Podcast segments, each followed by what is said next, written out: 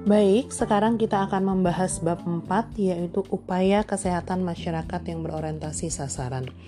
Atau ini sering kita sebut dengan UKMBS. Di dalam bab 4 ini ada tiga standar.